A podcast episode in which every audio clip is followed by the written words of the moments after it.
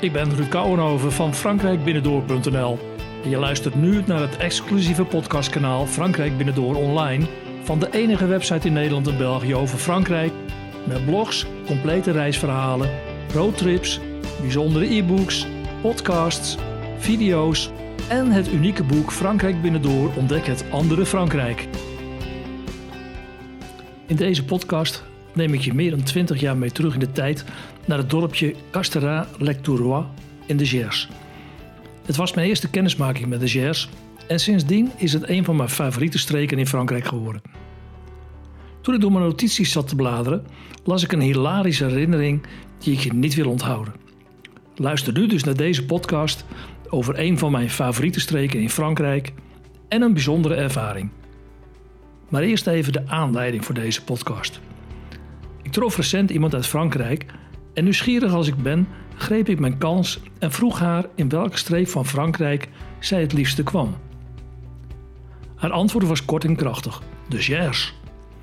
Dat kwam mooi uit, want ik kom er zelf ook heel graag. En ben er ook heel vaak geweest. Zij vertelde mij met twinkelende ogen dat ze vaak bij Lectour kwam. En laat dat nu juist mijn favoriete plek in de Gers zijn. Lees mijn boek maar eens, waarin een aantal dagen bij Lectour beschreven staan, inclusief een paar mooie fietstochten en een autorit. Een lekker restaurant en nog veel meer tips. Ik vroeg haar vervolgens of zij ook het dorpje Casterat Lectourois kende. En tot mijn verbazing gaf ze een positief antwoord en opnieuw met een twinkeling in haar ogen gaf ze aan er zelfs heel graag te komen. Nou, en dat kan ik heel goed begrijpen en ik ga je uitleggen waarom. Ik moest terugdenken aan mijn eerste kennismaking met Casterat Lectourois en toen ik s'avonds thuis kwam dook ik gelijk in mijn archief en vond notities van een gedenkwaardige dag. Casterat Lectourois is zo'n typisch dorpje uit deze streek dat op een heuvel ligt. Er wonen nog geen 350 mensen en het ligt op een kilometer of acht van Lectour en ongeveer 40 kilometer van Auch of Agen. In 1834 was er een bestuurder die het dorp Petit Lectour noemde, omdat de bouw van het dorp overeenkwam met het veel grotere Lectour. De rechte hoofdstraat eindigt bij een kerkje dat al in 1246 genoemd wordt. Het is de laatste jaren gerestaureerd en een historisch monument. En je hebt er een mooi uitzicht op de omgeving, waar je trouwens fraaie wandelingen kunt maken, die variëren van 8 tot 18 kilometer. Maar nu terug naar mijn aantekening uit 1997. Samen met Marjan was ik na een dag rijden aangekomen bij Lectour op de fraaie camping Les Trois Vallées, die er trouwens nog steeds is. Ik had er een luxe bungalowtent gehuurd en we zouden er een week blijven. Het was mijn eerste kennismaking met de Gers, waarna ik trouwens verliefd werd op deze mooie streek. En toen wij op de camping arriveerden was het begin van de avond. En als we met z'n tweetjes op vakantie zijn is het traditie dat ik kook. Maar ik had daarna een autorit niet zo'n zin in. De vriendelijke meisjes van camping Lac de Trois Volets wisten trouwens wel een leuk restaurantje voor mij. En gaven mij een visitekaartje van La Calèche in Casterat Lectourois. Een klein gehucht tussen Lectour en Condom. Volgens hen was het eten er goed en de locatie heel apart. En omdat het al tegen 8 uur liep, besloot ik echter om toch eerst maar even in Lectour te gaan kijken, maar daar vond ik niets. Althans, alles was deze zaterdagavond al vol. Er zat dus niets anders op dan toch maar naar Casterat Lectourois te rijden. Een zoektocht die uiteindelijk zou leiden tot een onvergetelijke avond. Ik kon het eerst niet vinden en vroeg ergens de weg en kwam uit op de D7 en de D36 en vervolgens een klein stukje D236 richting Astavoort. En dan links een weggetje in naar Casterat Lectourois. Het gehucht is een piepklein oud vestingstadje op een heuvel dat door de bewoners trouwens fraai is gerestaureerd. De school is woonhuis geworden, inclusief speelplaats met kinderfietsjes en ander speelgoed. En uit het postkantoor kwam ook het geluid van een tv. En die had dus blijkbaar ook een andere bestemming gekregen.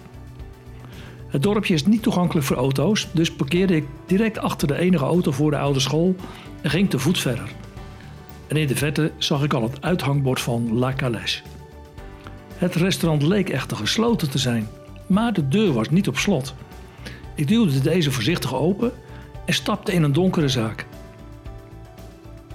Achterin zag ik een bar en in het schijnsel van een lamp zat een vrouw en een man die met elkaar in gesprek waren. Zij had een schort voor en was dus blijkbaar personeel. En toen we binnenkwamen hobbelde ze snel naar een lichtknop en deed voor ons het licht aan en wees ons op de drie tafels met stoelen voor de bar. Ik koos een tafeltje uit dat zicht had op de bar en de deur die vermoedelijk naar de keuken leidde. Naderhand bleek dat een heel strategische keuze. Als aperitief kozen wij een Kier Colombar. Een Colombar is een licht mousserende wijn uit de streek van de Gers en als kier met een framboze of aardbeienlikeur heel erg lekker. De menukaart bestond uit een paar menus waar eend, kanaar telkens het hoofdgerecht was. We hadden dus de keuze uit eend, eend of eend. En de keus viel op een magret de kanaar voor 85 frank. Ja ja, het was nog de tijd van de Franse francs en geen euro's. Nu kwam madame in actie. Ik sprak in die tijd weliswaar Frans, maar madame begon in gebrekkig Engels te brabbelen. Wij waren tenslotte toeristen. Terwijl ik stug bleef volhouden in het Frans, bleef zij volstrekt onverstaanbaar Engels praten. En even dacht ik dat zij het niet helemaal op een rij had. Onze keus voor het menu van 85 frank vond zij niet goed. En ze gooide alle charmers in de strijd om ons te verleiden om voor het menu van 120 frank te kiezen. In een ultieme poging pakte zij mijn arm vast en overtuigde mij met een Monsieur le demi-canard is sublime.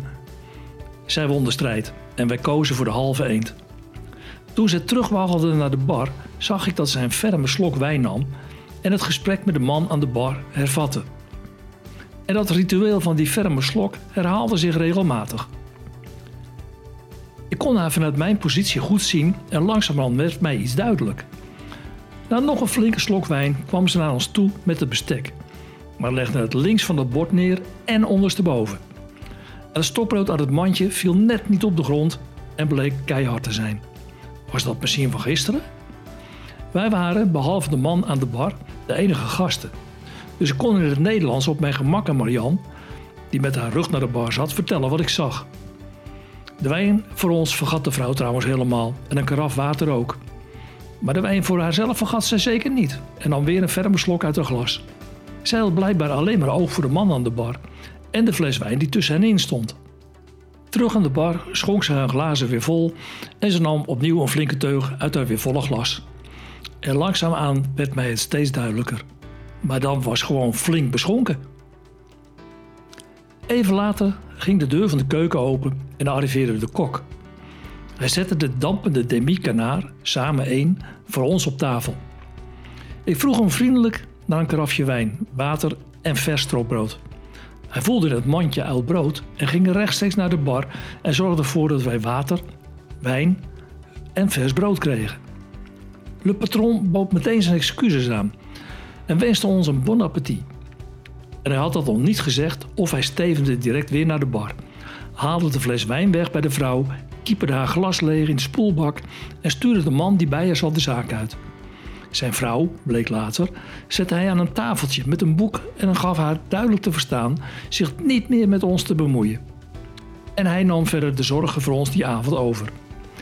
Ik begon me steeds meer te vermaken en deed voluit verslag aan Marianne in de veronderstelling dat ons Nederlands toch niet verstaan werd. De eend was overigens inderdaad subliem. Daarna raakten wij in gesprek met Le Patron. Er was een uiterst vriendelijke man die prima kon koken. En met trots begon hij te vertellen over zijn dorpje Casteral Lectourois en de verbouwing van het pand tot restaurant met bovenwoning. Toen wij klaar waren met eten, nodigde hij ons uit naar zijn terras aan de achterzijde van het restaurant. Daar zat zijn zoon op een stoel te genieten van een onvergetelijk uitzicht over de Gers met in de verte aan de horizon de contouren van de Pyreneeën. We kletsten nog wat over de omgeving en zo kreeg ik nog wat leuke tips voor de komende dagen. Bijvoorbeeld om in de buurt van Eoze Armagnac te gaan proeven en ook La Single moest ik bezoeken. Hij vertelde mij dat Casterat Lectrois ook wel Petit Lectour werd genoemd en dat het ommuurde La Single vaak Petit Carcassonne als extra naam meekreeg. Het waren prima tips waar ik hem nog steeds dankbaar voor ben. Maar wat mij vooral is bijgebleven is het onvergetelijke uitzicht vanaf zijn terras op de Pyreneeën. Omdat het heel helder was, kon je in de verte de besneeuwde toppen zelfs met het blote oog zien. En het avondlicht zette deze in een oranje gloed. Een fantastische ervaring bij een supervriendelijke en trotse Fransman, die ondanks het drankprobleem van zijn vrouw ons een prachtige avond bezorgde. Deze avond vergeet ik daarom ook mijn leven niet meer, want naast mijn passie voor Frankrijk is hier ook mijn liefde voor de jazz ontstaan. Ik ben er nog heel vaak terug geweest en zeker ook in Casteral Lectorois. Maar sinds enkele jaren bestaat het restaurant niet meer en is het woonhuis geworden. Met misschien wel het mooiste terras van de jazz. Wil je meer weten over de jazz? Word dan premium lid van Frankrijk Binnendoor. Je kunt dan gratis mijn e-book over de jazz en Le Sud-Ouest lezen, maar ook al mijn andere e-books gratis downloaden. Je hebt als premium lid van Frankrijk Binnendoor ook altijd onbeperkt toegang tot mijn reisverhalen, roadtrips en rondreizen, die alleen voor leden beschikbaar zijn. En je komt er meer over te weten op frankrijkbinnendoor.nl/slash premium. Ook in mijn boek Frankrijk Binnendoor Ontdek het andere Frankrijk vind je veel informatie over deze mooie streek en een stukje van de rondreis bij Lectour. Oh ja, vond je deze podcast leuk? Abonneer je dan bij Apple Podcasts, Spotify, Stitcher of Google Podcasts op Frankrijk Binnendoor. En je bent altijd op de hoogte van nieuwe podcasts met mijn tips. Je kunt natuurlijk ook naar frankrijkbinnendoor.nl slash podcasts voor al mijn podcasts en video's over Frankrijk. Tot mijn volgende podcast.